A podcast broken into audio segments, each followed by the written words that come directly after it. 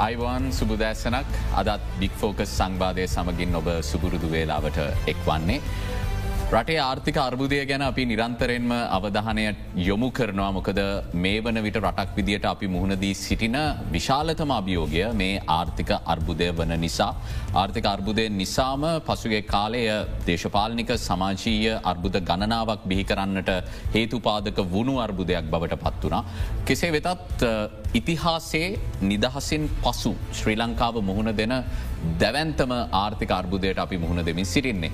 මේ අර්බුදය අපි උච්චතම අවස්ථාව පසුකර අවසන්ද නැත්නම් උච්චතම අවස්ථාව එන්න තියෙන්නේ ඉදිරියටද.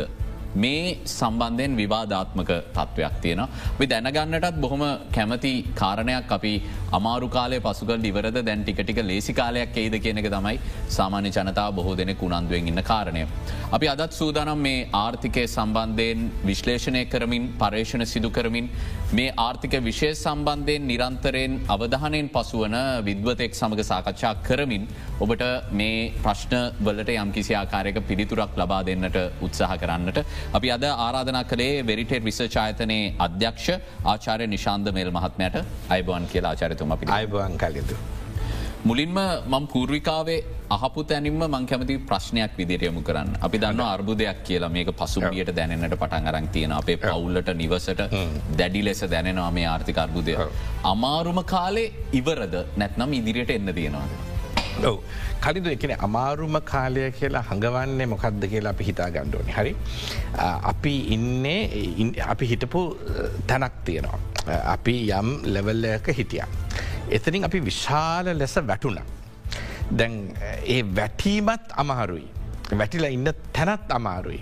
දැන් අපි ඉදිරිය ගැන හිතුවොත් මේ වැටුන ප්‍රමාණයට තවත් පහලට වැටෙයිද මෙතනම හිටීද නැත්තං උඩට අයිද කියන ප්‍රශ්නය කලින් දොහරන්නේ හැරි. ඉතින් මංහිතන්නේ දැන් වැටෙන්ඩ තියෙන වැටීම අපි සියට අනුවක් වැටිලා ඉවරයි වැටෙන්ට තරන්න හරි. ඉතිං ඉතිං වැටුනත් ඒ වගේ සීග්‍රයෙන් එච්චර ප්‍රමාණයක් වැටෙන්ඩ දෙයක් නෑ හැබැයි ඉන්න තැන ඉතාමත් දුෂ් කරයි. එතනින් අපිට ඉදිරියට එන්ට ක්‍රමයක් තියනවද? මතන එතන තමයි ගැටලුව තියෙන කලිදු. අපි වැටුන තැන අල්ලගෙන ඉන්ඩ පුළුවන්. එකන කන්දකින් වැටුන කියලා හිතමු. හැබැයි උඩට යන ගමන තීරණය වෙන්නේ අපි ගන්න තීරණ ප්‍රතිපත්ති ආණ්ඩුවේ ක්‍රියාකාරිත්වය සමාජයේ විශ්වාසය ඕවගේ දේවල් මත අපිට ඒව ගැඹුරෙන් කතා කරන්න පුළුවන්. හැබැයි ආයිත් තව වැටෙන්ඩ තියනෝද කියලැහුවොත් තව වැටෙන්ඩ පුළුවන්. හැබැයි ඒ වැටීම මංහිතන්නේ වැටිල තියෙන වැටීම තරං පහලට වැටීමක් නෙමෙයි. හැබැයි අපි හිතන්ඩ හොඳ නෑ මේ දැන් ඔක්කොම ඉවරයි දැන් ස්ථාවරයි කියලා ඉදිරියටත් පෙනෙයි ඉලෙක්ට්‍රසිටි කප්පාදුව තවත් වැඩිවෙන්ඩ ඉඩ තියෙනවා බොහෝ දුරට. දුගීභාවය සීග්‍රයෙන් වැඩිවමින් පවතිනව රටේ. මම දැන් දල වශයෙන් කියනමක අපිට ගැබුරට පැහැමදම ගැන කතා කරන්න පුළුවන්. ඉතිං ඇත්තටම මේ මිල වැඩිවීම තාමත් ඉවර නෑ තවත් මිල වැඩිවීම් දෙකටම යයි ඉදිරියට. ඉතින් එකැනේ අපි ඉන්න තැනයිදං දුෂ්කරතාවය තවටිකක් වැඩිවෙයි හැබැයි අපි විඳල තියෙන ශොක්්‍යක ඇත්තටම ඒක වන්සින ලයිෆ් ටයිම් ශක් එකක් හැටියට හිතන්න පුළුවන්. ආචාරිතුමනි ඔබතුමා මේ මිල ඉහලයම් තවදුරටත් වෙන්න පුළුවන් කියලා කියපු කාරණාවත් එක්ක. උද්ධමනය සියට හැත්තෑව ඉක්මවා යනු ඇතැයි මහබැංකු අධිපතිවරයා මීට මාස්ස එක හමාරකට පමණ පෙර ප්‍රකාශයක් කළා. පසුව සති ඊළඟ මාසය තිබුණු මාධ්‍ය හමුවේදී ඔහු කියනවා මහ බැංකුව ගනු ලැබූ තීන්දු තීරණ නිසා ප්‍රතිපත්ති පොලි අනුපාතික ඉහළ දාලා යනාදී වශයෙන් ගත්ත තින්දු තීරණ නිසා සියට හැත්තෑව ඉක්මවා නොයනු ඇති බවට දැන් සඳහන් කරන්න පුළුවන් කියලා. ඒ හරහා යමකුට හිතෙන්න්න පුළුවන් එහෙන උද්ධමනය වැඩිවෙන්නේ නැත්නම් කොහොමද ඉදිරියට තවදුරටත් බාණ්ඩමිල ඉහලයයි කියලා අපි කියන්න කියලා මේ පැහදිලි කලද නෑ බාණ්ඩමිල ඉහල යනවා කියන්නේ උද්ධමනය වැඩිවෙනවත් තමයි. හරි ඉතින් උද්ධමනය කියන්නේ බාණ්ඩමිල ඉහල යෑමේ ශීග්‍රතාවය මනින ඒකකය. ඉතිං හැබැයි උද්ධමනය මනින ක්‍රමයක් තියෙනවා කන්දු. ඒ කියන්නේ අපි උද්ධමනය සියට හැත්තෑවක් කියමක මේක අපේ දර්ශක දෙකක් තියෙනවා පාරිබෝජ්ජක දර්ශක කොළඹ දර්ශකය කොළඹ ප්‍රධාන කරගත් දර්ශකයක් තියෙනවා රටම ප්‍රධාතික දර්ශ ජාතික දර්ශකයක් තියෙනවා. සාමාන්‍යයෙන් රජයේ බචට්ටකටම භාවිතා කරන්නේ අර කොළඹ ප්‍රධාන කරගත් දර්ශක එකට හේතුවත් තියෙනවා එක ගොඩා කල් ඉඳල පැවති දර්ශකයක්.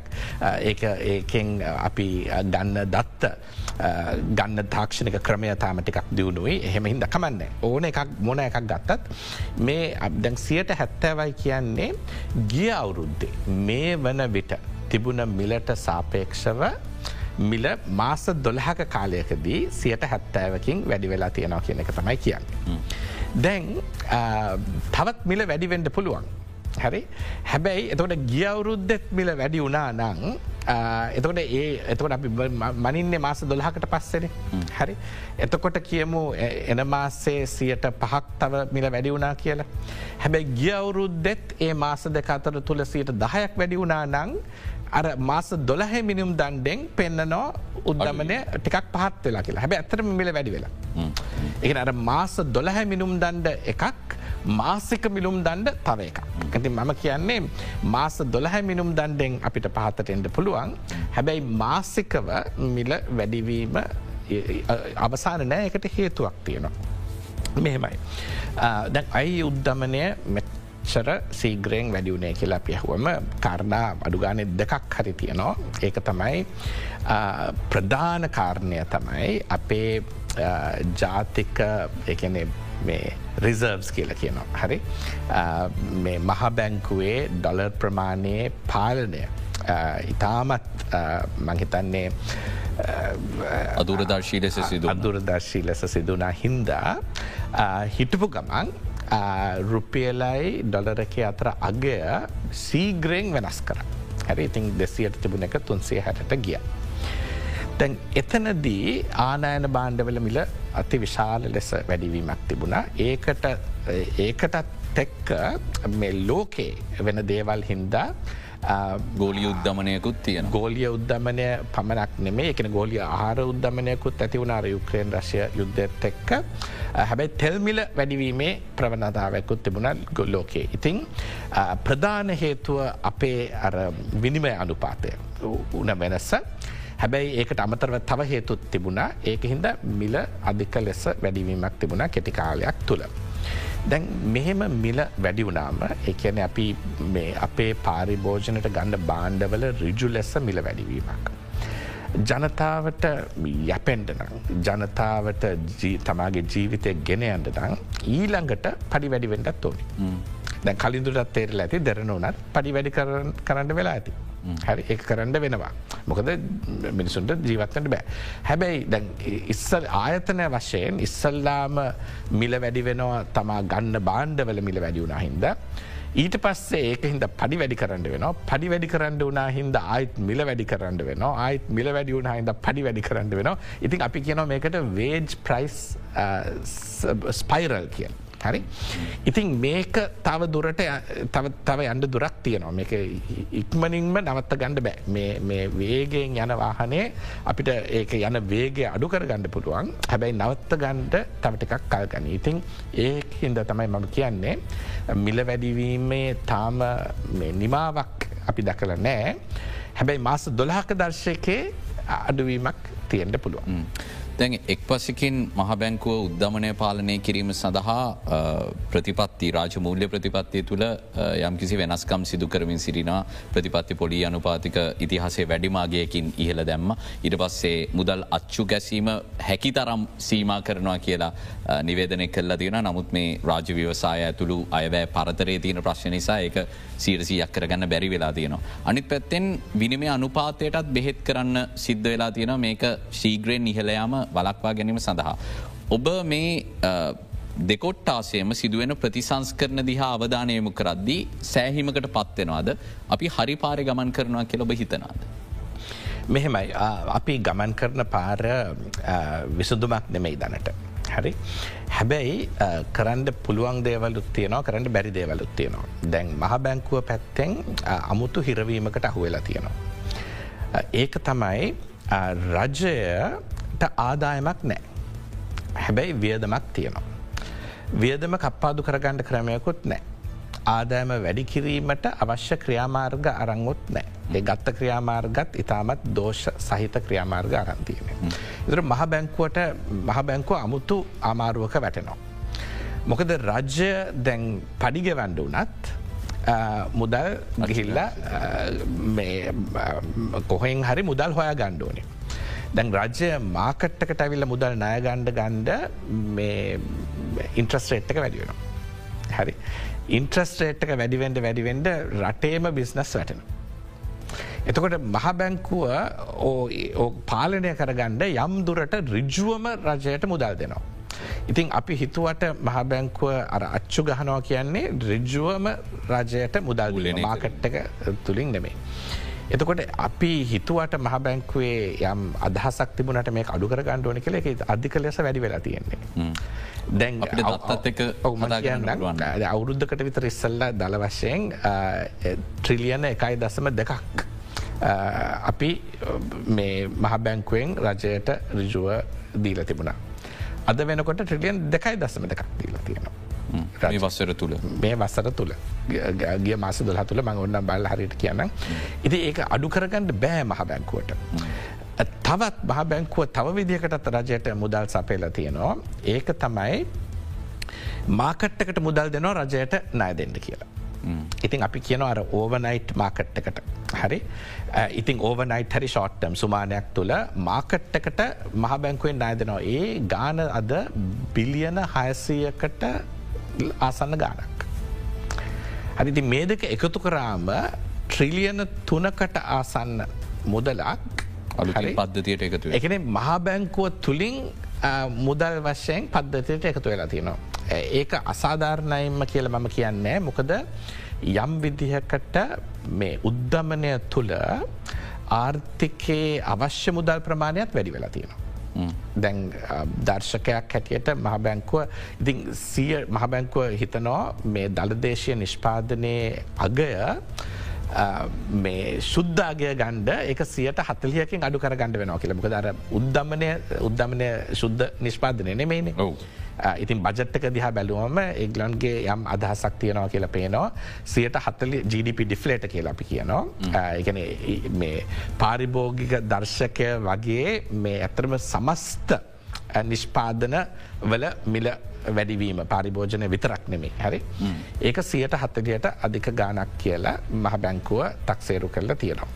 ඒ කියන්නේ මුදල් ප්‍රමාණය රටේ ඒ ප්‍රමාණයෙන් වගේ සියට හතලියකින් වගේ වැඩිවීම එච්චරම විශාල ප්‍රශ්නයක් නෙමේ. ඉතින් මෙතන වෙන්නේ අර සිදු වූ උද්ධමනය බාර ගැනීමක් යම් විදියට. ඉතින් අපි මහ බැංකුවට මකිතන විශාල ලෙස දොස් පවරන්ඩ හො අපි නිකං හිතුවොත් හිතනවා මුදල් අත්ශ ගැහවා ඒක හිද තමයි තියෙන විකල්ප ඉතාම අල්පයි. ඕ මොකද එතනදී මහ බැංකුව මුදල් අච්චු ගැහුව හින්ද උද්ධමනය වැඩිවීමක් නෙමේ උද්ධමනය වැඩියුන් හින්ද අච්ච ගැහීමක් අර රිවස්සුන ප්‍රශ්ටෙන් හරි? උද්ධමනය මෙච්චර සීග්‍රයෙන් වැඩි වුණාම මහ බැංකුවට ඇත්තටම මේ ආර්ථිකයට මුදල් සැපීමට අවශ්‍ය වුණා එක රිජුව රජයට සැපේලා තියෙනවා යම් ප්‍රමාණයක් හැබැ ඒ අඩුකර ගැනීම දැන් ඉදිරියේදී අවශ්‍යයි. උද්ධමනය පාතට එද්දී ඕක අඩුකර ගණ්ඩ අවශ්‍යයි හැබැ අඩුකරගණ්ඩ අමාරු මේකයි කලිතැන් මෙහෙම ප්‍රශ්නයක් තියෙනවා. ආණ්ඩුව ණයගන්නෝ සියට විසි පහකුයි තිහකුයි අතර ඉන්ට්‍රස්ටේට් ඔවු. හරි දැන් ඒ ප්‍රතිශාතයට නායගන්නකොට ඕ නායගවන්ට තව තවත් සල්ලි අවශ්‍ය වෙනවා. ඉතිං ආණ්ඩුවේ ණය ප්‍රශ්නය මේ විදිහට යනකොට වැඩි වෙන මිසක් අඩුවෙන්නේ. එතට ආණ්ඩුව ණය නොගවායින්ඩත් අමාරුයි එතොට මහ බැංකුව එතනදී අපි කියනෝ මේ ඉංග්‍රීසියෙන් ෆිස්කල් ඩොමිනන්ස් කියලා. මෙතන තියෙන්නේ මහ බැංකුවට මහ බැංකුවේ තක්සේරුව අනුව තනිවම අධිපත්‍යයක්. හරි හරි තීරණ ගණ්ඩ බෑ මොකද රජය ගන්න තීරණ වලින් ඇතිවන ප්‍රතිවිපාක ඉතා විශාලයි ඒවා බාර ඒ ප්‍රතිවිපාක බාරගෙන අර ෆස් බෙස් නෙමේ සැකන් බෙස් තීරණ උනත් ගණ්ඩ සිදුවෙන අවකාශයක තමයි අපි අද ඉන්න. ආචරිතමනි ඔබතුම සඳහන් කර දැන් වියදම් කප්පාදු කිරීම සිදු කළ යුතුයි ආදායම ඉහල නංවාගත යුතුයි මේ අලුතින් මුදල් පද්ධතියට එකතු කිරීම අඩු කරගෙන යන්න නම්. නමුත් ඒ දෙකටම මේ වන විට දෝෂ සහිත ක්‍රියාදාමයන්තම යෝජනා වෙලා තියෙන්නේ කියල්. දැන් ජාත්‍යන්තර මුල්්‍ය අරමුදල පවා බදු සංශෝධන යෝජනා කරනවා ඒ වගේම වියදම් කප්පාදු කර ගැනීම සඳහා ක්‍රමවේද යෝජනා කරන. මොනවද ඔබතුමා මේ වන විට රජය ඉදිරිපත් කරල තියෙන වැඩ පිළිවෙලේ දකින දෝෂ බදු සංශෝධනවල දෝෂ සහ වියදම් කප්පාදු කර ගැනීම පැත්ති තියෙන දෝෂ. හරි. දැන් අපි බදුවලින් පටන්ගමු. හරි දැන් හැමෝම බාරගෙන තියනවා මේ දෙදස් දහ නමේදී අපි කරපු විශාල බදු අඩු කිරීම. හරි රටට එකින් ලොකු විපතක් වුණා කියලා. ඇයි උනේ කියලා අපි පොඩ්ඩත් තේරුම් ගමු. රජයේ බදුආදායම සියට දළදේශය නිෂ්පාදනයට සාපේක්ෂව සියට දොළහක් වගේ ගානක්කට වැඩි කරගෙන තිබුණා. ඒක සියට අටකට වගේ වැටෙන්ට අඩුන නම් අටකට නමයකට අඩුවෙන කෝවිඩ් දෙව මුකුත් නැතුව වනත්. ඒ බදු කප්වාදුව එත්තරං අති විශාලයි. දෙදස් දහනමේ නොවම්බර් මාසය කරපු බදු සංශෝධ සැම්බර් මාසේදී සංශෝධනය. එක ඇත්තරම නීති විරෝධී සංශෝධනයක්. ඒක නීතිමය කරේ මාස නමයකට පස්සේ පාලිමෙන්තුව ඒ නීති විරෝධීදේ නීතිමය කියල කිව්වා. ඉතින් ඇත්තටම එක අති විශාල දුර්වලතා දුර්වල ප්‍රතිපත්තියක් හරි. එතන දුණේ මොකක්ද අපි ලෝකයේ ශ්‍රේණිගත කරන අයතන මේක දක්ටම ඕන රට මොකද අපි ලෝකයේම බදු එකතු කරන අඩුම රටක් හැටියට පත්තුට. එහෙම බද එහෙම රජය ආදායම අඩු කරගත්තම් පස්සේ අපි නායගන්න ඕනේ නයවලට ඉන්ට්‍රස්ට එකක් ගෙවන ඕනේ දැන් පොලිය ඒ අනුපාතය ගත්තම නායපොලිය රජය ආදායමට සාපේක්ෂව සියට හැත්තෑවකට ඉහළ ගියා. ඕක වෙන ලෝකෙ කෙසේ රටක එහෙම විශාල අනුපාතයක් නෑ ලෙබනන් රාජය තිබුණ දෙදස් දහ නැමදිති අපි ඒකන ලෝකේ තියෙන නර්කම පූර්වාදර්ශය තම අරගශය අරං ඕක වැඩි කරගත්ත. එතනදි තමයි ශ්‍රේණිකත කරන ආයතන කිව්වේ මෙහෙමනං රට රටේ ශ්‍රේණි ගත කිරීම පහල දාණ්ඩුවනේ එතනින් තමයි මේ ඔක්කොම ප්‍රශ්න අපිට පොඩනයකුටින් හරි දැන් ඇයි ඒ ප්‍රශ්නය වනේ මේ ඒ ප්‍රශ්නය වනේ කිසිම විශ්ලේෂණයක්කින් තොරව මේක ප්‍රතිවිපාක ගැන අදහසක් නැතුව නිකං හිත්තනෝ මතික විදිහට ප්‍රතිපත්තියක් වෙනස් කරා හින්ද. හැබැයි අදත් වෙන්නේ ඒ වගේම දෙයක් තමයි. දැන් මංහිතන්නේ මේ ආණ්ඩුවේ අදහසක් තියනෝ හරි කරපු දේ වැරදිනේ ඉතින් ඒක පිටිපස්සට ගත්තොත් ඒ හකුල ගත්තොත් හරි කියලා. ගදුරේ වැඩිකරොත්. හැබැයි රට වෙනස් වෙලා ලෝකය වෙනස් වෙලා අපිට ඇත්තටම විශ්ලේෂණයක් තියෙන්ඩෝනේ කලින්දු මේ බදු මෙහෙම වැඩි කරාම ඒක ප්‍රතිවිපාකකුමක්ත. හරි ඒ බදු බර විදින්න කවුද? මොන ශේස්ත්‍රවලටද බලපාන්නේ? රටේ දළදේශ නිෂ්පාදනයට වෙන්න කුමක්ද? දුප්පත් ඇද බදු ගෙවන්නේ? පෝසත් ඇද බදු ගෙවන්නේ? ඒක වෙනසමකක්ද එක් කිසි විශ්ලේෂණයක් රජයට නෑ. තියෙනවනන් ඒක පාලිමේන්තුට ඉදිරිපත් කරන්න ඕන. මේවා මේ පාලිමේන්තුවට කියන්න බෑ. මේකට චන්දය දෙෙන්ඩ කියලා විශ්ලේෂණයක් නැතුව. දැනගණ්ඩෝනේ මේ විශ්ලේෂනාත්මකව මේකේ ප්‍රතිවිපාක මොකක්ද කෙළවන් එක උදාහරණයක් දෙන්න ගොඩක් තියෙනවා. නැත්තන් දෙක තුනක් දෙන්න පුළුවන්. හයලත් දෙන්න පුළුවන්. මේකේ දෝෂය ගැන. දැන් අපිට ගලව අපි බදු අඩු කරා විතරක් නෙමේ ඒ වෙලා වෙදි අපි බදු එකතු කරන ක්‍රමත් වෙනස් කරා. එකක් තමයි විත්හෝල්ඩිං ටැක්ස් කියලා. සිංහල වචනය ඔය දන්න ඇති. විත්හෝල්ඩිං ටැක්ස් කියන්නේ දැන් කියමු අපි අපේ ඉතිරි කිරීම බැංකුවට දැම්ම කියලා. එතවට අපිට පොලියක් ලැබෙනවා. ඒ පොලිය අපිට ගෙවනකොට බැංකුව ඒ ටැක්ස එක අඩු කරගෙන තමයි පොලිය ගෙවන්න එක විත් හෝල්ඩිං ටක්ස්. එතුට පස්සේ අපිට ගිහිල්ලා අපි අපේ බදු ගෙවනකොට අපි කියන්න පුළුවන් හරි දැන් මෙච්චර බදු දැන්ටම ගෙවල තියෙන්නේ බැංකුවෙන් මං ඉතුරු ටික ගෙවනවා කියලා. හරි. හැබැයි දෙදස් දහනමයට ඉස්සල්ලා පොඩි අමුතු දෙයක් තිබුණාව බදු ක්‍රමේ මේ විත්හෝල්ඩිං ටැක්සක සියට පහයි හැබැ එක ෆයිනල් ටැක්ස් කියල තිබුණ ඒ කියන්නේ ඒ ආදායමට තව ටැක්ස් ගවන්ඩ ඔන්න සියට පහක් ගෙව්වම ඉවරයි. හරි මං කොච්චර පොහොසත් උඩත් ඒ ආදාය ලැබෙන පොලි ආදායමට ගෙවන බද්ධ සියට පහයි. දැන් ඒ විතෝඩිං ටැක්ස අහක් කරගත්තම ඒකත් ගිය. එතකොට ලැබෙන මම ටැක්ස් ගෙවනවනං ලැබෙන පොලි ආදායමට මුළු වශයෙන් ආදායම කියල සල කලා මේ ගෙවන්ඩෝන ඉතින් ඇත්තරම ගෙවිය යුතු ප්‍රමාණය පොලි ආදායමට සියට දහට වෙනකං වැඩි වුණා මේ අලුත් ක්‍රම යටතේ. හැබැ එකතු උන්නෑ මොකද අපේ රටේ බොහෝ දෙනෙක් ටැක්ස් ෆයිල් නෑ ටැක්ස් ගෙවන්නේ. ඉතින් එකතු වෙන ක්‍රම එකතු කරන ක්‍රමය හෝසේ වුණා හින්දා ඇත්තරම කිසි දෙයක් එකතුන ප්‍රමයි ඉතාමත් ස්වල්පයි හැබැයි ගෙවිය යුතු ප්‍රමාණය පොලි ආදායමට වැඩි වුණ. දැන් අද අපිට බැංකුවලින් අති විශාල පොලියක් ගණඩ පුළුවන්. සීට විස්සට අධික පොලියක් ගණඩ පුළුවන්. ඒ කොහොම දේ පොලිය ගණඩ පුළුවන් වෙන්නේ මොකද බැංකුව අපේ සල්ලි අරං අපිට සියට විස්සක් දීලා ඒක රජයට නයට දීලා රජයෙන් සියට විසි පහක තියක තියක් ගන්නවා බැංකුව එතන ප්‍රොෆිට් එකක් ලබා ගන්නවා. ඉතින් ඇත්තටම අපේ පොලිය ගෙවන්නේ රජය. අපේ පොලිය ගෙවන්නේ රජය කියන්නේ අපේ පොලිය ගෙවන්නේ සාමාන්‍ය ජනතාවගෙන් ගන්න බදු සල්ලිවලින්. ඉතින් මම ඉතා පොහොසත්නම්. මට මිලියන ගණනක් ඉතුරු කරන්න පුළුවන්නන්. මම අද ඒක බැංකුවේ දාලා සියට විසිගානක් හොයලා හැරි රටේ සමස්ත දුප්පත් ජනතාව සමග සමස්ත ජනතාව ගෙවන බදුවලින් මම විශාල පොලියක් එකතු කරගන්න. හැබැයි දැන් අලුත් ක්‍රමය යටතේ විතෝල්ඩිං ටක්ස ආයිත් ගෙන මකවන හකුල ගත්ත කියලා ඉති සියට පහයි ඒක ෆයිනල් ටක්ස්. ඉතින් දැන් මම සියට විසි පහක පොලියක් ගත්තත් බං ටැක්ස් ගෙවන්නේ සියට පහයි. හැබැයි දුප්පත් මනුස්ස නැත මැද පන්තිය පුද්ගලයා සියට තිස් දෙක වෙනකං තමාගේ ආදායමට පොලියක් ගෙවනවා. ඒකෙන් මම විශාල ආදායමක් ලබල පොලි ආදායමක් ලබල ගෙවන්න මම කියන්නේ මම නෙමේ හැබයි විශාල විශාල මුදලක් තියෙන කෙනෙක් තැන්පත් කරලා ඒකෙන් වාසි ලබනවා. ඉතින් මේවා ඉතාමත් දුර්වල විශ්ලේෂනාත්මක නොමැත්ති ක්‍රමවේද. මොකද අරක වැරදි එක හගුල ගත්තොත් හරි කියන අදහසැන් කරපු දෙය බැදැන් තත්වේ වෙනස් කියන මෙහෙමයි.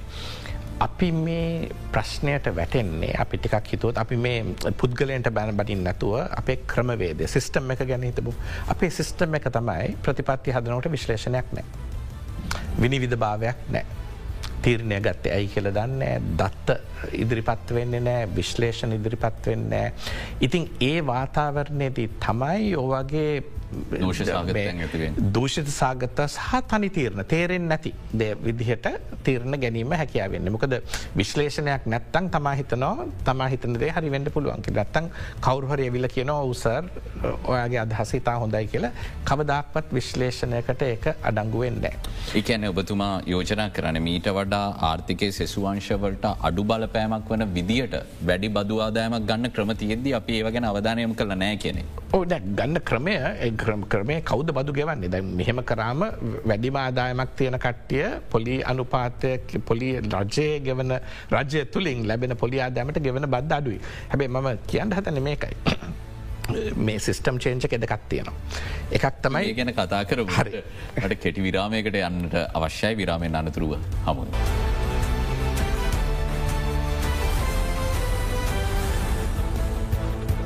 ආචාරය නිශාන්ද මෙල් මහත්ම ඇත් එක් අද බික් ෆෝකස් සංවාධය අපි සාකච්ඡා කරමින් සිටින්නේ. රටේ ආර්ථික අර්බුදය සහයින් ගොඩේම සඳහා ගනු ලබන ප්‍රතිසංස් කරන සම්බන්ධයෙන් විශ්ලේෂනාත්මකව අදහස් පාල කරමින් සිටිය තුමා විරාමයට පෙර. බුතුමාට යළිත් අවස්ථාව අපි කතා කරමින් සිටිය විශේෂයෙන්ම දෝෂ සහගත තැන් සහ දූෂණය ගැන. දැන් මම කියන්ට හිටියේ මේ දෝෂ සහගත තැන් කියන්නේ විශ්ලේෂණය නැතුව ප්‍රතිපත්ති ඉදිරිපත් කිරීම. ඉදි රට වැටුනේ විශ්ලේෂණය නැතුව ප්‍රතිපත්ති ඉදිරිපත් කිරීම තුළ. රට වැටුන ක්‍රමයට ගොඩෙන්ට බෑ. වැටුන ක්‍රමයෙන් අහක් නැත්තන් අපි ගොඩෙන් ගොඩේනාව කෙළ හිතුවට ගොඩෙන් ගොඩේම ඉතාමත් අමරුවෙනවා. ඉතින් අපි මේ විශ්ලේෂණය විශ්ලේෂනාත්මකව දත්ත සහිත විනිවිධව සහිත තීරණ ගැනීමේ ප්‍රවණතාවයක් අලුත්තිං ඕක තමයි එක සිස්ටම් චේන්චක කරට අවශ්‍ය. මට අතුරු ප්‍රශ්නයක් මතු කරන්න ඉඩ දෙන්න දැන්න ආණ්ඩුවේ මේ විශ්ලේෂණයන් සිදු කරන අංශ තියෙනවා ස්ථාපිත වෙලා. නමුත් පැහැදිලි වෙන්නේ එලෙස විශ්ලේෂණයන් සිදුවනවාද නැද්ද කියන කාරණය දන්න තීරණ ගැනීමේදී විශ්ලේෂණයන් පාදක කරගන්නෑ කියලා පැහැදිලි. තොට ඒ වගේම තියෙන පෞද්ගලික ආර්ථික පර්යේෂණ ආයතන ඔබතුමාල වගේ මේ කරුණුකාරණ නිරන්තරයෙන් විශ්ලේෂණය කරන පිරිස්. මේ සියලුම දෙනා එකතු කරගෙන එක්තරා තැනකති තීන්දු තීරණ ගන්න යාන්ත්‍රණයක අඩුපාඩුව අපිට දැනෙනව නොවේද මේ ප්‍රතිපත්ති ගැන හිතද්දි. ඔව මංහිතන්නේ මේ යාන්ත්‍රණය යාන්ත්‍රණ භාවිතා කිරීම එක ආණ්ඩුවට අවශ්‍යතාවයක් තිීඩ ඕනේ සවන් දෙෙන්ට. හරි දැන් මම කියපු දේ මාස තුනකට ඉස්සල්ලා මේ විතෝඩිං ටක්ස කායිත් දැම අපි කළ යුතුද අපි ඇත්තරම ලියලත් තියෙනවා. ලෝකයේ ඉතාමත් විශිෂ්ට ආර්ථක විද්‍යාඥයන්ගේ ටීම් එකක් අපි හදලා මේක ලියලා ඉදිරිපත් කළ තිනව ප්‍රසිද්ධව. ඉතින් ඒව කියවලත් නෑ කියල තමයි තේරෙන්නේ හරි ඉතින් ඇතුර ආණ්ඩුවේ තීරණ ගැනීමේ ආකාරයේ විශාල දුරලතාවයක් තියෙනවා කියල පේනවා. එකන ඕමනා කමත් තියෙන් ඕනේ. මහිතන එතන තමයි ජනතාවගේ උනන්දුවත් මෙතන වෙන්නේ. ප්‍රශ්නයක් ඇති වෙන්ඩෝනි පාලිමේන්තුව ප්‍රශ්න කරෙන්ටෝනි. ඉතින් හැබැයි අපි ඒක තියමු එකන විශ්ලේෂණ රහිත කරපු තීරණ හින්ද රට වැටුනා විශ්ලේෂණ රහිත කරන තීරණය තුළින් රට ගොඩෙන්ඩ පෑ කියන එක. දෙවනුව තමයි මේ විශ්ලේෂණය මංහිතන්නේ ආක් වෙලා තියෙන්නේ ක්‍රමක්‍රමයෙන්. විශ්ලේෂණ නැති තැන දූෂිත විදියට තීරණ ගැනීමත් පහසු වෙනවා. හරි උදාහරණ දෙකක් ගම්මු. එකක් තමයි සිගරට් එකට දාන බද්ධ. දැ රට අමාරු තැනකට තල්ලු වෙමින් පැවැත්විද්දි නොවැම්බර් මාසේ බජට් එකේද ගිය අවුරුද්දේ ලාබම සිගරට් එක බද්ධ සියට පහක් පණහකින් අඩු කරා. හැබයි බජට් එකේ කිව්ව වෙන දෙයක්. සිගරට් එකේ මිල රුපියල් පහකින් වැඩි කරනවා කිව්වා හැබැයි මිල නෙමේ ආණ්ඩුවට අදාළ වෙන්නේ බද්ධ බද්ධ. හරි මිල වැඩි වුණා. සමහරක් සිගරට්වල බද්ධත් වැඩියුණ රුපියල් දෙකයි පණහකින් වගේ. හැබැයි ලාබම සිගරට් එකේ බද්ධ මාකච්ඡාරකෙන් දෙවනියට තියෙන බද්ධ සයට පණහකින් අඩු සයට පණහකින් සයට පණහකින් අඩු කරගත්තා. ජනතාවත් දන්න පාලිමේන්තුවත් දන්නේ. මොකද විශ්ලේෂණ ඉදිරිපත් කරන්න ඕනේ තිබුණු තර්කයමකක්ද අවසයි තර්ක ඇතිබුන්නෑ මොකද ඇත්ත කිව්වෙනෑ හරි. ඒකයි මකෙන විශ්ලේෂණයක් ඉදිරිපත් කරන්න ඕනේ නැතිකොට තම ඇත්තරම කරන්න මොකක්ද කියලා පෙන්න්නට ඕන නැතිකොට මේ වගේ දේවල් කරලා කටෙන් එකක් කියනවා ඇත්තරම වෙන්න තව දෙයක්. බේරෙන්ට පුළුවන්කොද පාලිමේන්තුවත් අහන්න හරි හැම සිගරට්ටකටම දාන බද්ධමොකක්ද ඒකට තිබුණ ක්‍රමය මොකක්ද කියලා. හැ ක්‍රමයක් තියෙනවා. දෙදස් දහනමේදී බජට් එකේදී ක්‍රමයක් පාලිමෙන්තුට ඉදිරිපත් කරලා ඒ බජට් එකෙන් සම්මත වනා ඒක තමයි දළදේශය නිෂ්පාදනයේ සීග්‍රතාවය අනුව බද්ධ වැඩි වෙන්ඩෝනි කියලා. හරි. එතුට ඒ ක්‍රමයට කවදක්වත් ඒ ක්‍රමය අනුගමනය කල්ල නෑ මොකද මේ බද්ධ වැඩිකරෙත් නෑ ගොඩක් කලකට. කවදක්වත් විශ්ලේෂනාත්මකව මේක හරියට කරද වැඩිදිට කර කළ පෙන්න්නට අවශ්‍ය නැති තැන ඒ වගේ දූෂිත විදිහට තීරණ ගන්න පුළුවන්දන් ආහාර උද්ධමනය අපි දන්නවාන සියට අනුවක්මවා අනුව ඉක්මවා කියල. කියලා අනුහයක් විත හැබැයි සිගරට් මත් පැන්වල උද්ධමනය සියට තිස් පහක් වගේ. මූලිකම මොකද සිගරට් මත් පැන්වල මිලේ වැඩි කොටසක් තියෙන්නේ බදු. ඒක තමයි හරි ක්‍රමය සිගරට් වල ඇත්තටම බද්ධ මිලෙන් සියට හැත්ත පහක් විය යුතු එහෙම තමයි මුළු ඉතිහාසයම තිබිල තියෙන ලංකාවේ. ඊට වඩ වැඩි ගනමුත් තිබිල තියෙන ලංකා විසියට අසු පහ ආසන්න ගිය කල්ලුත් තිබිල තියෙනවා. හැබැයි ඉතින් ඒක වැඩි නොකරම උද්ධමනය අඩුයි. ඉතින් කණ්ඩ බැරිනම් සිගරට් මත්පැන් බීලා ඉද කිය කියන වගේ දෙයක් තමයි. ඉති එක තේරුමක් නැති දෙයක්. හරි? ඉති ඒ ඒ බද්ධ වැඩි වෙලා නෑ දැංගුණත් ඉති ඉති අනි තවයකත් තියෙනවා දූෂණය පැත්තෙන් තේරුම් ගන්න ඕන දෙයක්. සමහරක් වෙලට මේ පාරත් කිව කැසින බද්දු වැඩියුනා කියල. දැන් කලින්ද දැත් කළ. ඇති පාලිමෙන්තුවේ මේ සුමානයේ ප්‍රශ්න කරා කැසින බද්ධ වැඩි කරාට ඕක එකතු කරනවාද කියලා. දැන් අපි හොයාගත්ත එකත් දෙයක් තමයි කැසිනො බද්දු දැන් අපි කැසිනොවලට යනකොට ගෙවය යුත්ත බද්ධ ඩොලර් සීයි කියල තිබුණා. එක බාජට්ටයක මේ බජට් එක ලියවෙල තිබුණා කැසිනො බද්ධ අපි කැසිනෝ එන්ට්‍රන්ස් බද්ධ සංශෝධනය කරා දැන් අපි වැඩි ගානක් අපි හොයා ගන්නවා කියලා මේ බද්ධය. හරි. එතකොට පාලිමෙන්තුවේ කෝප් කොප් කියන කමිටියක තුළින් අපි අපි කමිටකට උදව් කරා. අපි ප්‍රශ්න කරා. දැන් සංශෝධනය කරනවා කියල විතරයිනි කිව්වේ. මේ ඩොලර්සියට තිබ බද්ධ කොච්චරකින් වැඩි කරාද? මේ වැඩි මුදල හොයා ගණඩි කියලා. එක්ලකො නෑ දැන් අපි බද්ධ ඩොලර් පහට අඩු කල තියෙන්නේ කියලා ඉතින් අපි කොහොමද බද්ධ සියට පණහයකින් අඩු කර ගත්තනං ඒක බජට් එක කියපු විදිහත් පේනවා එක වැරදි විදියට කිව්වේ සංශෝධනය කල්ලා වැඩි මිලක් හොයා ගන්නකුව. ඉතින් මේක සියට පණහකින් අඩු කරානන් කොහොමද ඔබතුමාලා වැඩි වැඩි ප්‍රමාණයක් බද්ධ වැඩි වුනා කියන්නේ. නෑ අපි ඩොලර්සිය කවදක් එකතු කරේ නෑ කිවවා. එතකොට පණහත් එකතු කරාද කියලපි දන්නේ. ඉතින් ඇත්තටම පාලිමෙන්තුවේ නිතර ඇවිල්ල කියනවා කැසිනෝවල බදු වැඩි කරා කියලා කවදක්පත් එකතු කරපු ගාන අපිට අපි දකින්නෑ. හරි. ඉති එතන තමයි දූෂණය තියෙන්නේ. මැන්ෂන් ටක්ස් කියල දැම්ම දෙදස් පහළවේදී. දෙදස් දහටේදී අර තිබුණ ආණ්ඩුවේ කැලබීම තුළ අලුත් බජට් එක ඒක ගලව ගත්ත. හැබැයි ඒ අතරතුරුණත් එකතු කරේ නෑ සතයක්වත්. ඉතිං අර පෝසත්ම ඉතාමත් විශාල සමාගම් ධනවත් පන්තියේ බදු එක්කෝ ක්‍රමය තුළින් යම් විදිහකට සහනයක් දෙනවා නැත්තං දාන බද්ධත් එකතු එක නැත්තක් චිකරට් බද්ධ වැඩි කරන්නේ. හරි නියම විදියට අවස්ථාව දෙන ක්‍රමවත් විදියට වැඩ වැඩි කරන්න. අන ඒ ලාබත් යන්න පිටරට. මොකද මේ ආතනය වැඩිපුර අයිති බ්‍රිටිෂ් මරිකන්ට බෑග කියන කම්පනයට. ඉතින් රටට වෙන පාඩුව විශාල පිල්ලෙස පාඩුවක් වෙන විදිහට දූෂිත විදිහට බදු වෙනස් කිරීම් කරන අර දැන් අපි සීනි බද්ධ ගැනත් දන්නවා ඒක රුපියල් පන්හැන් සත විසි පහකට අඩු කරගත්ත. ඊට පස්සේ රටට ආනයන කරපු සීනිවලට රුපියල් පන්හැ බද්ධ තිබුණ නං අද වෙනකොට බිලියන හතලිස් පහක් වැඩියෙන් අපි උපයලා. බිලියන හතලිස් පහ කියන්නේ මුළු සමුරුද්ධි ලාබීටම ගැන අපි අතට දෙන ගාන දෙගුණය කරන්න තිබුණ. සිගරට් බද්ධ අක්‍රමිතාවය තුළ එනවුරුද්දේ අපි ඒකෙන් උපයන ටැක්සක බිලියන හතලිස් පහකින් අඩුවනෝ මේක ක්‍රබවත් විදිහට නිසි විදිහට වැඩි කරේ නැත්ත. ඉතින් එතන වෙන පාඩුව අත්ති විශාලයි. හරි. ඉතින් මංහිතන ඒකයි මං කියනෙ අර දූෂණයයි විශ්ලේෂණය කියන දෙක හම්බ එකතු වෙන තැන ඒකයි. දැන් ජාත්‍යන්තර මුල්ල අරමුදල වගේ ආයතනයක් ඇවිල්ලා මේ පද්ධතිය ගැන යම් කිසි ආකාරයක ඇගීමක් කල්ලනේ එකගතාවයකට එන්න අපිත් එක ප්‍රතිසංස් කරන සම්බන්ධයෙන්. ඔවුන්ට මේ කාරණ පෙනෙන්නේ නැද්ද? මොකද සාමාන්‍ය අපේ රටේ හැමදාම අපිම හිතල දේවල් කරනවා අඩුයි. මේ අය මුදල දෙන්න නම් මේ ප්‍රතිසංස් කරණය කරන්න කියලා බලකරාමන වෙන්නේ ඔබ ඉතනද මෙවර ජාත්‍යන්ත්‍ර මූල්්‍යාර මුදල සමඟ තියෙන කාරමණ්ඩල මට්ට මේ එකඟතාවය තුළ. මේ බදු එක්රැස් කිරීමේ තියෙන දුර්වලතා දෝෂ සහගතැන් නිවැරදි විය යුතු බවට ප්‍රතිසංස්කරන යෝජනා වෙලා නෑ කියලා මුකද මෙවරායවෑ ගැන හරි පුංචි බලාපොරොත්තුවක් තියාග.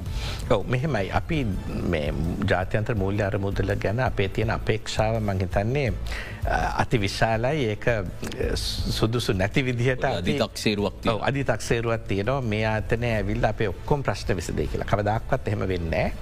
එහෙම වෙනවනං ගිය අවුරුද්දු පනස්හය තුළ අපි දාසය පාරක් යන්ඩ වෙන්න ඇත්ත. එකන ගිය අවුරුද්ධ පනස් හය හත තුළ අපි අවුරුදු විසි අටක්ම ඉඳල තියෙන්නේ ජාතියන්තර අර්බුදලේ ප්‍රෝග්‍රෑම් තුළ. එකන එකකින්වත් රටේ ප්‍රශ්නය විසදිලනෑ. මෙහෙමයි ජාතියන්තර අර්මුදර ඇවිල්ලා හාරලා මේ බද්ධ වැඩි කරන්න අර්බද්ධ වැඩි කරන්න කියලා කියන්නෑ සාමානය. එගලන් කියන්නේ මුළු බදු ප්‍රමාණය වැඩිවෙන්ඩ ඕනේ. දැන් මොකද රට ප්‍රජාතන්ත්‍රවාදී කියල එගලන් සලකනවා. කරේ ප්‍රජාතන්ත්‍රවාදය ප්‍රශ්න අපි තමයි දන්න. එතකොට එගලන් කියන්නේ ඔගලන් කරන ක්‍රමය ඔගලන් තීරණය කරගන්න. හැබැයි ඒක වැඩි කරගන්න ඕනේ සමහරක් දේබල්වලට එක්ලන් අදහස්තන ගලන් කියන දැන් මේ ඉලෙක්ට්‍රසිට වලට වේදන් කරන ප්‍රමාණයයි උපයන ප්‍රමාණය සමාන කරගන්නඩ. හැබැයි එතකොට එතනදී මේ වැඩියෙන් සමානතාවයක් මිල සමාන කොස් රිෆලෙක්ටව ප්‍රයිස් කොස්ට එක අනුව ප්‍රයිස්සක හදාගන්න. හැබැයි ඒක තුළ සමහරක් කණ්ඩෑන් වලට වැඩියෙන් බිලදාන අනිතයට අඩුව දන ඒගලට එක ප්‍රශ්නය සමස්තව හරි ගස්සගන්න. ඉතින් ඇත්තරම ඒගලන් ඉදිරිපත් කරන ටාගත්ස් ක්‍රම නෙමෙයි. ටාගත් හරිගියොත් ක්‍රමය ප්‍රශ්නයක් නෑ. ඉගලන් හිතන්නේ අපි මෙහෙම ටාගත් දුන්නම ඒ ටාගට් සුදුසු විදිහට රටගලු කරගර ගනී කියලා. හැබැයි ඇත්තටම අපේ ප්‍රශ්නය තියෙන්නේ එකක් තමයි මේ අවුරුදු පනස් හයම තුළ දෙන ටාගට් අපි කවදක්වත් අචීව් කරන්න.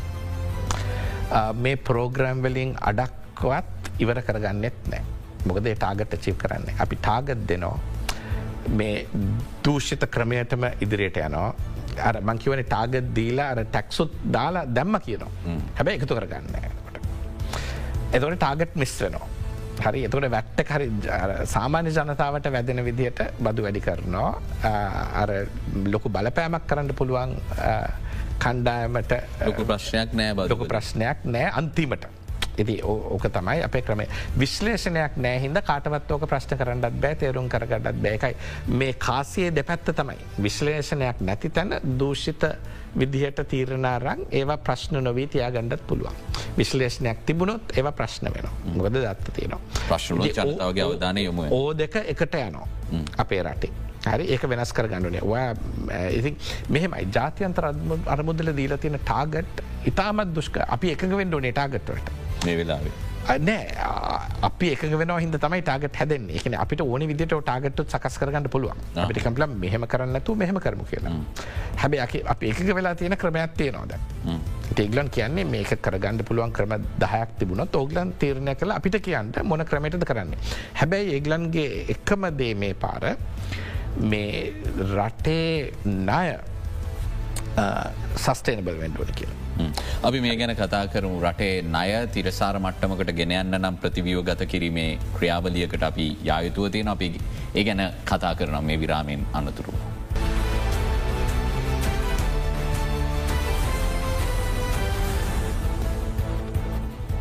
වෙරිටේ රිසර්ච් ආයතනය අධ්‍යක්ෂාචාරය නිශන්ද මෙල් මහත්මයත් එක්ක අද අපි සාකච්ඡා කරමින් සිරින ආචරිතුමනි ණය ප්‍රතිවියෝගත කිරීම ඉතාම වැදගත් සාධකයක් බවට පත්වෙනවා අපි මේ කතා කරන ජාත්‍යන්ත්‍ර මූල්්‍යාර මුදලේ ණය පහසුකම අපිට එන්න නම්. කොයි තරම් සංකීර්ණ ක්‍රියාවලියක්ද මේ වෙද්දී සාකචාරම්භ වෙලා තියෙනවා කියලා අපිට ආරංචයනවා ලෝකේ වෙනත් රටවල්වල පූර්වාදර්ශ අරම් බැලුවම ලංකාවේ ණය ප්‍රතිවියෝගත කිරීම කොයි තරම් සංකීර්ණද. සරල උත්තරේ තමයි ලංකාව ප්‍රතිව ගත කරන්න කරන්න නාය ප්‍රමාණය ගැන බැලුවම ඩොලර් බිලියන දහයක් විස්සක් අතර නාය ප්‍රමාණයක්. එක ඉතා විශාල නාය ප්‍රමාණයක් නෙමෙයි. බොහෝ රටවල මීට වඩා තුංගුණයක් හතර ගුණයක් ණය ප්‍රතිවිව ගත වෙනවා දෙදස් විස්සේ වනත් රටවල් කීපයක් මාස හයක් තුළ මේ ප්‍රතිවිහ ගත පටන් ගැන්මයි දං අගට අවසන් කල තියෙනවා. ඉතිං ලංකාව කල් ගැනීම කියන්නේ ලංකාවට මේකේ පුරුද්දක් නැති එක හැකියාව අඩුවීම ඒව තුළ මංහිතන්නේ අපි ඊට වඩා විශාල කාලයක් ගන්න එක අපිට පේනවා. ජාත්‍යන්තර ආයතන දෙකක් නේද මූල්‍ය උපදේශක සහ නීති උපදේශක විදිර මේ කටයුතු ශ්‍රී ලංකා වෙනුවෙන් සිදු කරන්න. ඒවත් ඒ ආයතනට පුළුවන් විශ්ලේෂනාත්මකව සාකච්ඡාවලට එලබෙන්ඩ හැබැයි අපිට මේ අපේ රජ්‍යය කරන්න තියෙන දේවල් අවුත්සෝස් කරන්න පුළුවන් ප්‍රමාණයක් තියෙනවා. අන්තිමට තීරණ ගණඩ වෙන්නේ රජය තුළින් අපිට කොච්චර ආදාමයක් හොයා ගණඩ පුළුවන්ද. අපි අපි කවද වෙනකොටද මේ බදු ආදම මේ ප්‍රමාණයෙන් වැඩි කරගන්නේ. එතකොට අපි අපි ස්ටටජයක හොයා ගණඩු එකන මට සමහර බොහෝ වෙලාවට අපි හිතනෝ මේ වගේ ආයතනවලට ගියාම අපිට කරන්න කිසි දැන් නෑ කියල එහෙම නිලද කිය. සීග්‍රයෙන් කරන රටවල් වල ඒ රටවල් තුළ මේකට විශාල විදිහට අවශ්‍ය රජයේ මැදිහත්වීම රජයේ මැදිහත්වීම හැකියාව එකතු කරගන තමයි කරන්න. හැබැයි අපි අපි අපි වෙනම ඩෙක්ට රිස්ටක්ෂරින් ඒජන්සි එකක්වත් කොටසක්වත් ක්‍රියාත්ම කරල නෑන අ මහ බැංකුවේ ඔක්කොම වැඩස්සේ මහ බැංකුවේ අධිපතිට ඒ ඒ වැඩත් බාරදිල තින සකට ටජරීට හනි තැම වැඩේ තුළම ඒ වැඩත් බාරදිල තින ඇතරම අපි විශාල විදිහට අවශ්‍ය හැකියාව මෙතැන්ට එකතු කරලා නෑ ඉතිං ඒක හිමි කල් ගත වෙන එක පුදුමයකුත් නෙමේ අනිත්තක තමයි ජාත්‍යන්තර අරමුදලෙන් මේකේ කරන ඉල්ලීම මේ පාර පෙර අපිත් එක්ක කරන ගිවිසුම්වලට වඩා වෙනස්. මොකද පෙර නය තිරසාර බවවීමේ ප්‍රශ්නයක් තිබුන්නේ අද ඒක තියෙනවා. ඉතින් ජාතියන්තර අරමුදල අපිට සල්ලි බෙදන්ඩ ඉස්සල්ලා බෙදන්න සුළු ප්‍රමාණයක් මේකන මේ සමස්ත විසුදුම කියන්නේ ණය තිරසාර බව පෙන්වන්ට. ඒක ක්‍රම කීපකට කරන්න පුළන් රජය ආදායම ගොඩක් වැඩි කරගෙන කරගන්න පුළුවන්. දල්දේශ නිෂ්පාදනය සීග්‍රීම් වැඩි කරගෙන කරන්න පුළුවන්. ගෙවන්ඩ තියෙන නාය රීස්ටක්ෂ කරල කප්පාදු කරගෙන කරගන්න පුළුවන්. ඉති අපි ඒ ක්‍රමය ගැන අපිට අපි අදහසක් එන්ඩෝනේ අපි ඒ ඩිස්කශන එකට අන්ඩෝනේ අපිට නාහිමියන් සමඟ දැන් ජාතියන්ත්‍ර අරමුදල ඕ ඩිස්කශන් වලට එකතු වෙන්නේ. හරි එගලන් කියන්නේ තියෙන ක්‍රමය අපි විශ්ලේෂණ කරල බලන්න ඒ හරිද කියලා හැමෝටම යම් විදියට කොන්ෆිඩන්ස එකක් දෙන්ඩ මේක හරි අයි කියලා. ඉතිං අද මංහිතන්න අපි හිමින් ගැන එක එක ප්‍රශ්නයක් අනිත්තක තමයි ඇත්තටම නාය තිරසාර කර ගැනීමේ අපිට ටාගත් තිබුණට එකට ප්ලෑන් එකක් තියෙනවාද කියන ප්‍රශ්නයක්ති. ටාගත් තිබිල වැඩන්නෑ ටාගට් කරා යන්ඩ හොඳ ප්ලෑන් එකක් නැත්තා. ඉතින් මංහිතන්නේ ඒක තමයි රටේ අද තියෙන ප්‍රධාන ප්‍රශ්නයක් කෙටිකාලීනව අපි හිතුවත්. මේ මුදල් හම්බුනාම ප්‍රශ්න විසිතය කියලා මීට අපිට වඩා මේක හොඳින් කරන රටවල් වනත් සමහරක් වෙලාට අවුරුදු පහකින් ආයිත් ඕ බලය වැටෙනවා. ඉතින් ලංකාව ආයිත් ඕ වලේ නොවැටෙන්ට නං මීට වඩා ගොඩක් අපි උනන්දුවක් දක්වන්ඩ ඕනේ තුන් දෙයක් සම්බන්ධව ඒක තමයි විශ්ලේෂනාත්මක වැඩ කිරීම. දෙවනුව තමයි මේ ටාගට් මේ නිකං වෙන්න ඇතුව ඇත්තටම කරන්න පුළුවන් මොකක්ද කියලා ඒ කරන්න පුළුවන් ප්ලෑන් එක විශ්ලේෂනයක් නැතුව ප්ලෑන් එක කදන්නත් බෑ. ති විශ්ලේෂණ නැතිවන කොමට ප්ලෑන් එකක් නෑ. ඒ ප්ලෑන් එක හදලා ඒ ප්ලෑන් එක අනුව වැඩ කරන්න පළවෙනි පාරට අපේ ඉතිහාසේ ජාතික ජාත්‍යන්තර මුල්‍ය අරමුදල කියල තියෙනවා අපේ ආර්ථිකයට තියෙන විශාලම අවධානම හැදෙන්නේ අපේ දූෂණ අවධානම හින්දකි. කරප්ෂන් වල්නර්බිලිටස්. එකන එක මැක්‍රෝක්‍රටිකල් එකන මේක ආර්ථික එකක් දූෂණය එකක් නෙම ඉගලන් කියන ආර්ථිකය ගොඩ නැංම දූෂණය මත බලපානව කියන තක්සරුවත් තියෙන. ඉති එගලන් කියන ඒ අඩු කර ගණ්ඩුවනි කියන. ඉතින් අපි ඒක අඩු කරගන්නත් ඉතාමත් අවශ්‍යයක් තුන්වෙනි එක. මොකද මං කියපු විදිහට මේ විශ්ලේෂණය නැතුව වැඩකිරීම දූෂණය සහිත වැඩකිරීම විශ්ලේෂණය රහිත දූෂණය සහිතවීම තියෙන එකම කාසේ දෙපත්තක්. ඉතින් දූෂණ සහිත වැඩකිරීම අඩු කරගත්ත නැත්තක් විශ්ලේෂණ සහිත වැඩකිරීම වැඩකිරීම වැඩි කරගන්න බෑ. එතොට ප්ලෑන්් එකක් නෑ. එතකොට අයිත් ෆේල් වගේ විශ්ලේෂණ රහිත වැඩකරොත් දූෂණය අඩු කරගන්න විදිියකුත් නෑ අන්න හරි. ඒකන විනිවිධ භාවයක් ඇති නොකරොත් ඒ විශ්ලේෂණය කැන විශ්ලේෂණය තිබුණත් ඒවා ඒවා අහක් කරගෙන විනිවිධ භාවයක් නැතව වැඩකරොත් දූෂණය අඩු කරගන්න ක්‍රමයකුත් නෑ පෙන්න. ඉතිං ඉදිරියට යන්ඩනං අපි ඕ තුන ගැන හිතන්ඩෝනේ මොකද නැත්තං සිිස්ටම් චේන්ච එකක් නෑ රටේ කිව එක. අදහස් තමයි මටතිය. හොදයි මහිතන්නේ අපි අරමුණු කරන්නේ මෙවැනි විශ්ලේෂණ සම්බන්ධයෙන් සමාජය තුළ සාකච්ඡාවක් නිර්මාණය කරන්න. ඒ හර පුරවැසියන් විදිට අපි දැනුවත් වෙනවා. සැබවින්ම කුමක්ද සිදුවෙන්නේ කියල සමහරවට දෛනික වැඩරාජකාරි සහ අපිට තියෙන හැකියාවත් එක්ක අපිට ආර්ථිකය සම්බන්ධයෙන් විශ්ලේෂණය කරමින් මේ අපිට ඉදිරිපත් කරන අයවෑලේකන සම්බන්ධයෙන් ගැඹුරින් බලන්නට බේලාවක් නෑ. නමුත් ඒ සඳහා බෙන්වෙච්ච ආයතන තියෙනවා. උන්නේ සම්බන්ධයෙන් කටයුතු කරන අපි ඒ විශ්ලේෂණ සම්බන්ධය සම්බන්ධය දැනුවත් වනොත් අපි ඉදිරියට හරි අපිට පෙන්වන චිත්‍රයට වඩා සිදුවමින් තියෙන දේ වෙනස් කියන එක තේරුම් ගත්තොත් අපිට ඒ දෙවල් වෙනස් කරන්න ඉදිරියට එන්න හැකියාව ලැබේවි. මහිතන්නේ අද අපි ප්‍රධාන වශයෙන් අරමුණු කරගත්තේ ලංකාවේ ආර්ථිකය ගොඩ ගැනීමට තියෙන විසදුම් සහයි ඊට පවතින බාධා සම්බන්ධයෙන් සාකච්ඡා කරන්න. ඉදිරියටත් මාරාධනා කරන අපි කතා කරමු කිය ලබතුමාට මේ විශ්ලේෂණයේ තියෙන වැදගත්කම සහ අපි කොතනද නිවැරදි කරගන්න ඕන කියලා බෙහිවින්ම සූතියි අද අපේ ආරාධනාව පිළිගත්තාට. ඒ සමගින් අදට අපි සංවාධීන් සමගන්නවා හෙටත් හමුුවමු සුගුරුදු වෙලාවට සුපදිනය.